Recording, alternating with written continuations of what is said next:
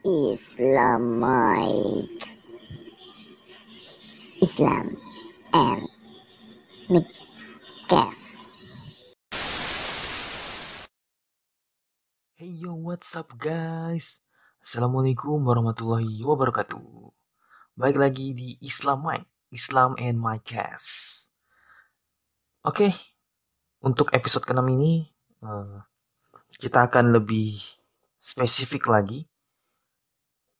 Semakin bertambah episode kita, kita akan lebih spesifik dan spesifik lagi membahas tentang uh, berdakwah dalam metode tasawuf. Ya.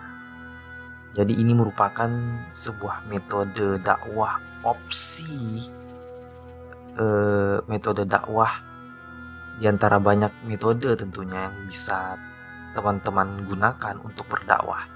Sekarang dengan kecanggihan media sosial, teman-teman bisa uh, berdakwah di ruang media sosial juga ya. Uh, lewat postingan ataupun juga caption-caption tulisan yang bisa mendukung um, dakwahnya teman-teman. Dan yang pastinya tepat pada sasaran daripada dakwahnya teman-teman ya. Misalnya teman-teman uh, ingin memposting dakwah yang sifat ini lebih kepada anak muda, maka pastikan postingan tersebut bisa sampai kepada uh, tujuan itu, anak muda itu sendiri. Nah, agar um, esensi dakwahnya itu bisa terasa lah gitu langsung kepada tujuan uh, dari siapa yang didakwahkan gitu. Nah, bicara tentang metode dakwah nih, teman-teman pasti melihatlah fenomena-fenomena yang terjadi pada akhir-akhir ini apalagi dengan banyaknya uh, mungkin istilahnya ustaz medsos ya yang biasa muncul di Instagram se dengan dengan durasi satu menit ya durasi satu menit eh, durasi normalnya video Instagram. Lalu kemudian yang sering terposting di YouTube bahkan punya channel YouTube juga tentunya uh, begitu banyak uh, metode yang kemudian digunakan oleh para pendakwah ini ya. Baik itu online maupun offline. Nah, lalu bagaimana sih uh, penyampaian yang diutarakan oleh para pendakwah tersebut? Apakah sudah mengenaikah esensi daripada dakwah itu sendiri? Yakni orang lain kepada kebaikan ya. Memberikan nasihat-nasihat kebaikan kepada sesama. Nah, tentu saja ketika kita memiliki pengetahuan tentang kebaikan itu kita tidak ingin uh, merasa sendiri dong dalam lingkaran kebaikan. Tentu kita akan mengajak yang lainnya untuk berada pada kebaikan juga gitu. Nah apakah eh, metode-metode uh, yang dilakukan saat ini oleh para pendakwah tersebut uh, sesuai dan mengena kepada para para jamaah yang didakwahkan tersebut. Ya, kita bisa saksikan eh, akhir-akhir ini di mana banyak sekali para pendakwah yang ya tidak bukan semuanya sih. Ada sebagian yang ya berdakwah dengan cara-cara yang cukup keras gitu yang menggunakan syariat atau berdalih pada hukum. agama khususnya ini dalam eh, ranah dakwah agama Islam ya. Ada fenomena-fenomena seperti itu yang menggunakan eh, dalil-dalil hukum yang mengharamkan ini dan itu. Lalu kemudian da, uh, dalil tersebut digunakan sebagai metode dakwah yang sifatnya menakut-nakuti ya para jamaah. Nah, itu itu cukup banyak sekali teman-teman kita saksikan di lapangan. E, banyak yang pada akhirnya para dai merasa itu adalah cara efektif gitu.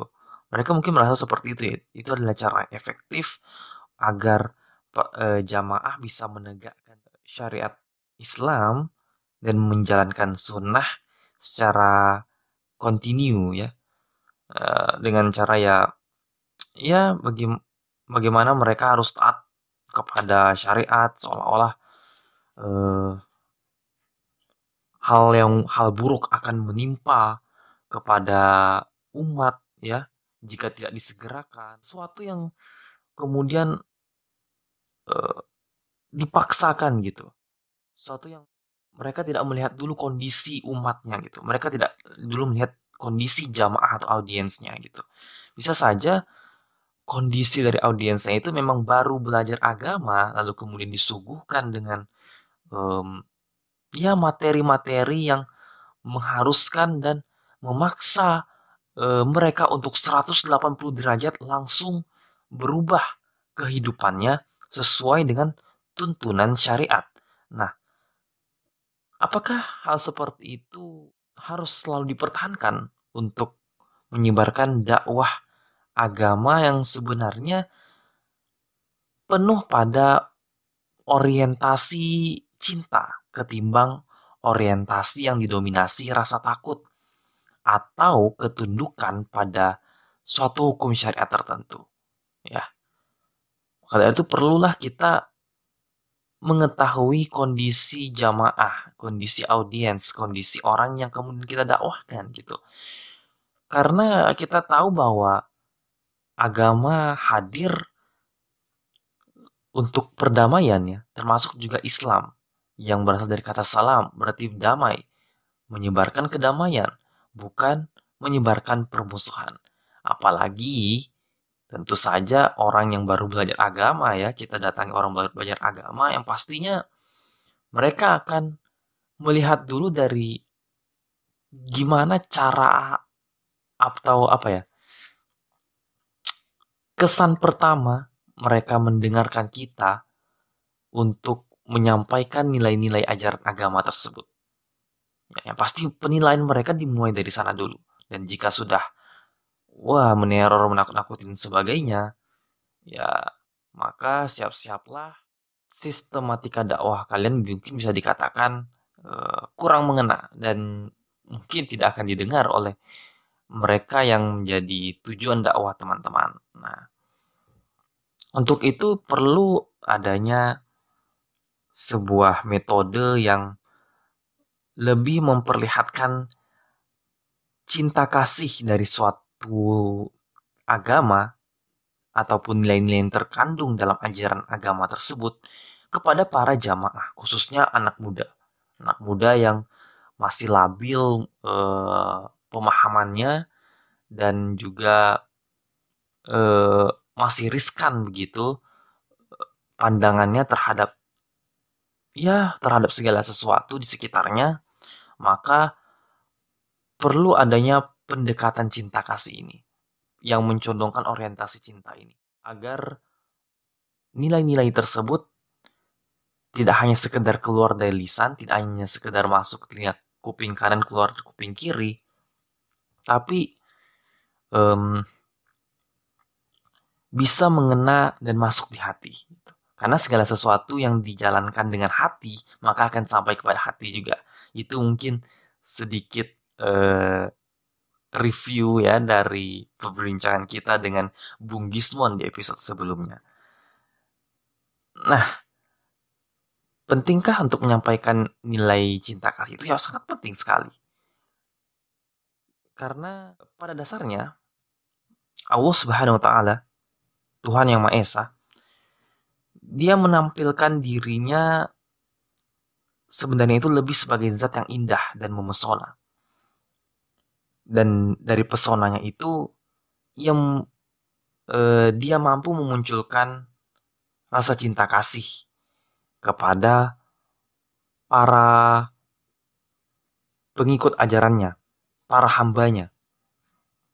Ketimbang ia menampil ketimbang lebih banyak menampilkan uh, suatu misteri dahsyat yang menggetarkan yang mungkin berasal dari kemahabesarannya. Bukan berarti kita mengabaikan penampilan Allah dalam segenap kedahsyatannya atau dari sifat kemahabesarannya itu. Akan tetapi dari sifat kemahabesarannya itu dan kedahsyatan yang ia perlihatkan, mungkin adanya sejarah atau cerita yang mengatakan bahwa Allah SWT memberikan azab kepada suatu kaum ya melakukan pesta pora gitu uh, atau ya mohon maaf bersetubuh padahal ajaran-ajaran uh, perdamaian itu sudah hadir di tengah-tengah mereka dan mereka menolak itu maka Allah menurunkan azabnya uh, atau kemudian cerita-cerita lain tentang bagaimana uh, Allah Subhanahu wa taala itu menimpakan se, uh, apa ya ujian kepada setiap manusia itu kan tanpa terkecuali. Bahkan memberikan ujian pula kepada para nabi dan rasulnya. Nah itu kedahsyatan kedahsyatan kedahsyatan yang diperlihatkan oleh Allah itu bukanlah sesuatu hal yang mengerikan gitu tapi itu adalah bagian dari kecintaannya kepada makhluknya. Seperti itu.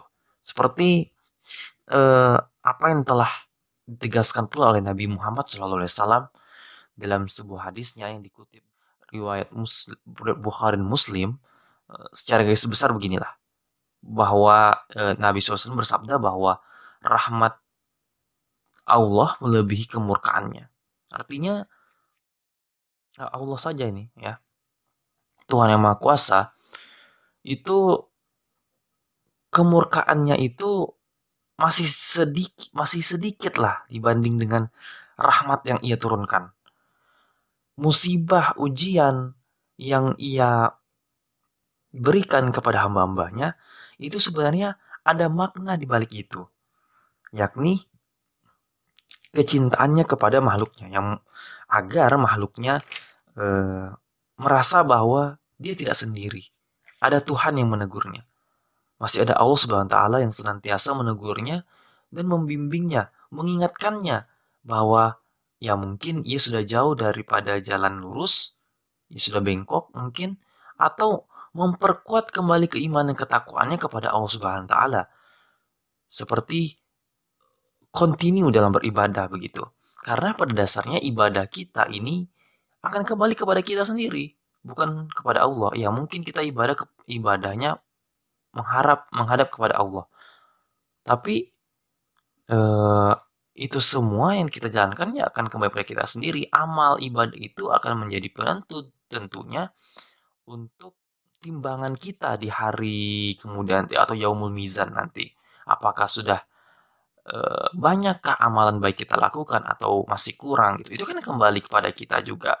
Dan Maha suci Allah dan ma dan dengan karunia kasih sayangnya ia masih mengingatkan kepada hamba-hambanya yang bahkan sudah tersesat sangat jauh. Seperti itu. Sama dengan, jadi teguran-teguran Allah itu sama dengan e, kemarahan orang tua kepada anak yang disayanginya. Marahnya orang tua kepada anaknya itu bukan e, keinginan orang tua untuk menghabisi anaknya. Itu malah sebagai pertanda bahwa orang tuanya itu sayang kepada anaknya. Dia tidak ingin anaknya terlalu offside, melanggar aturan atau melanggar norma-norma ke dalam kehidupan keluarga. Maka dari itu ditegurlah, diberikan arahan perintah begini-begini dan begitu. Ya keras dan lembutnya itu tergantung daripada orang tua, tapi pada dasarnya itu akan kembali pada kita juga sendiri gitu. Karena kita akan merasa bahwa oh ya ternyata di balik aturan-aturan yang digunakan uh, oleh orang tua pada masa kecil adalah uh, tujuannya semata-mata adalah uh, kasih sayang juga kasih sayang untuk uh, kita sehingga kita tahu yang mana yang baik dan mana yang buruk di masa dewasa nanti seperti itu. Nah, um,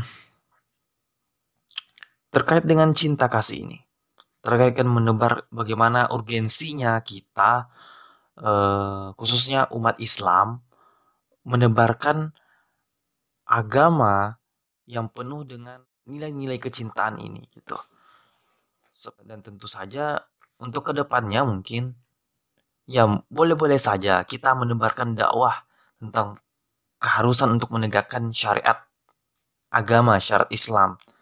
Namun bukan berarti eh, kita gaungkan dengan begitu emosional ya begitu meledak-ledak hingga mengagetkan para jamaah dan audiens ya, karena itu akan terbawa kepada egonya audiens juga, egonya jamaah juga, egonya mereka yang kalian dakwahkan juga.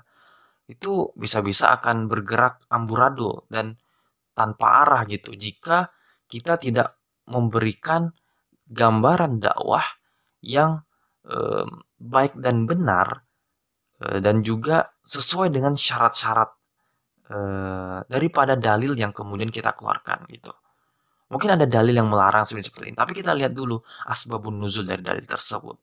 Apakah eh, dikeluarkan saat masa tenang-tenang saja atau memang dalam masa-masa genting gitu. Karena dakwah dak metode-metode dakwah yang ya mungkin dengan semangat yang menggebu-gebu seperti itu itu eh, dalam sejarah memang dalam situasi eh, peperangan gitu.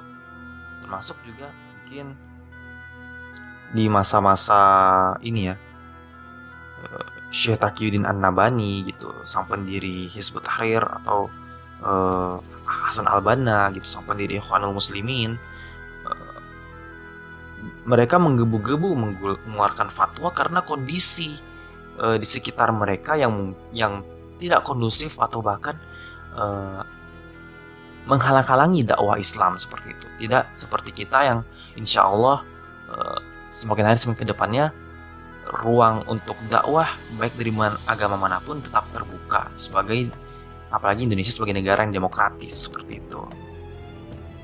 Nah, apa sih dasarnya Islam itu bisa dikatakan agama cinta kasih karena eh, akhir-akhir ini yang dikenal cinta kasih itu ya mungkin salah satu agama tok saja yang ternyata itu dari agama non Muslim gitu.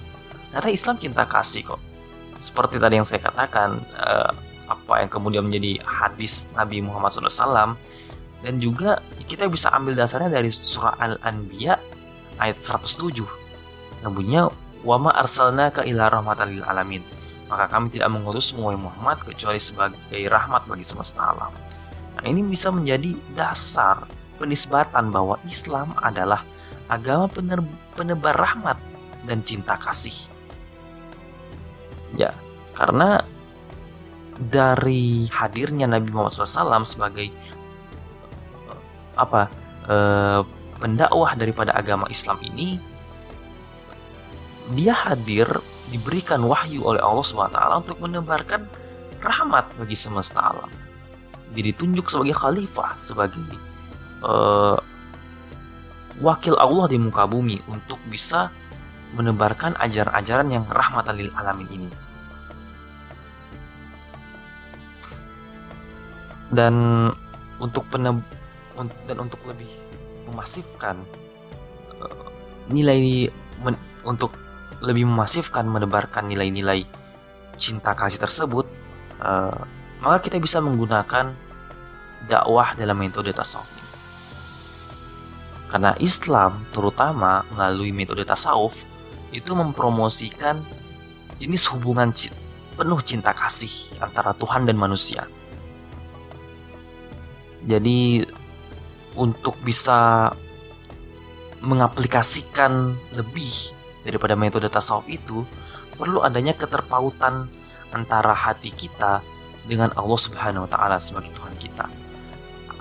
Perlu adanya timbul rasa mahabbah atau cinta kepada zat yang maha kuasa beserta segala aspeknya ini yakni Allah Subhanahu wa taala agar yang terucapkan dari lisan kita dan juga dari perbuatan kita itu adalah segala sesuatu yang mengedepankan nilai-nilai cinta kasih dalam suatu agama.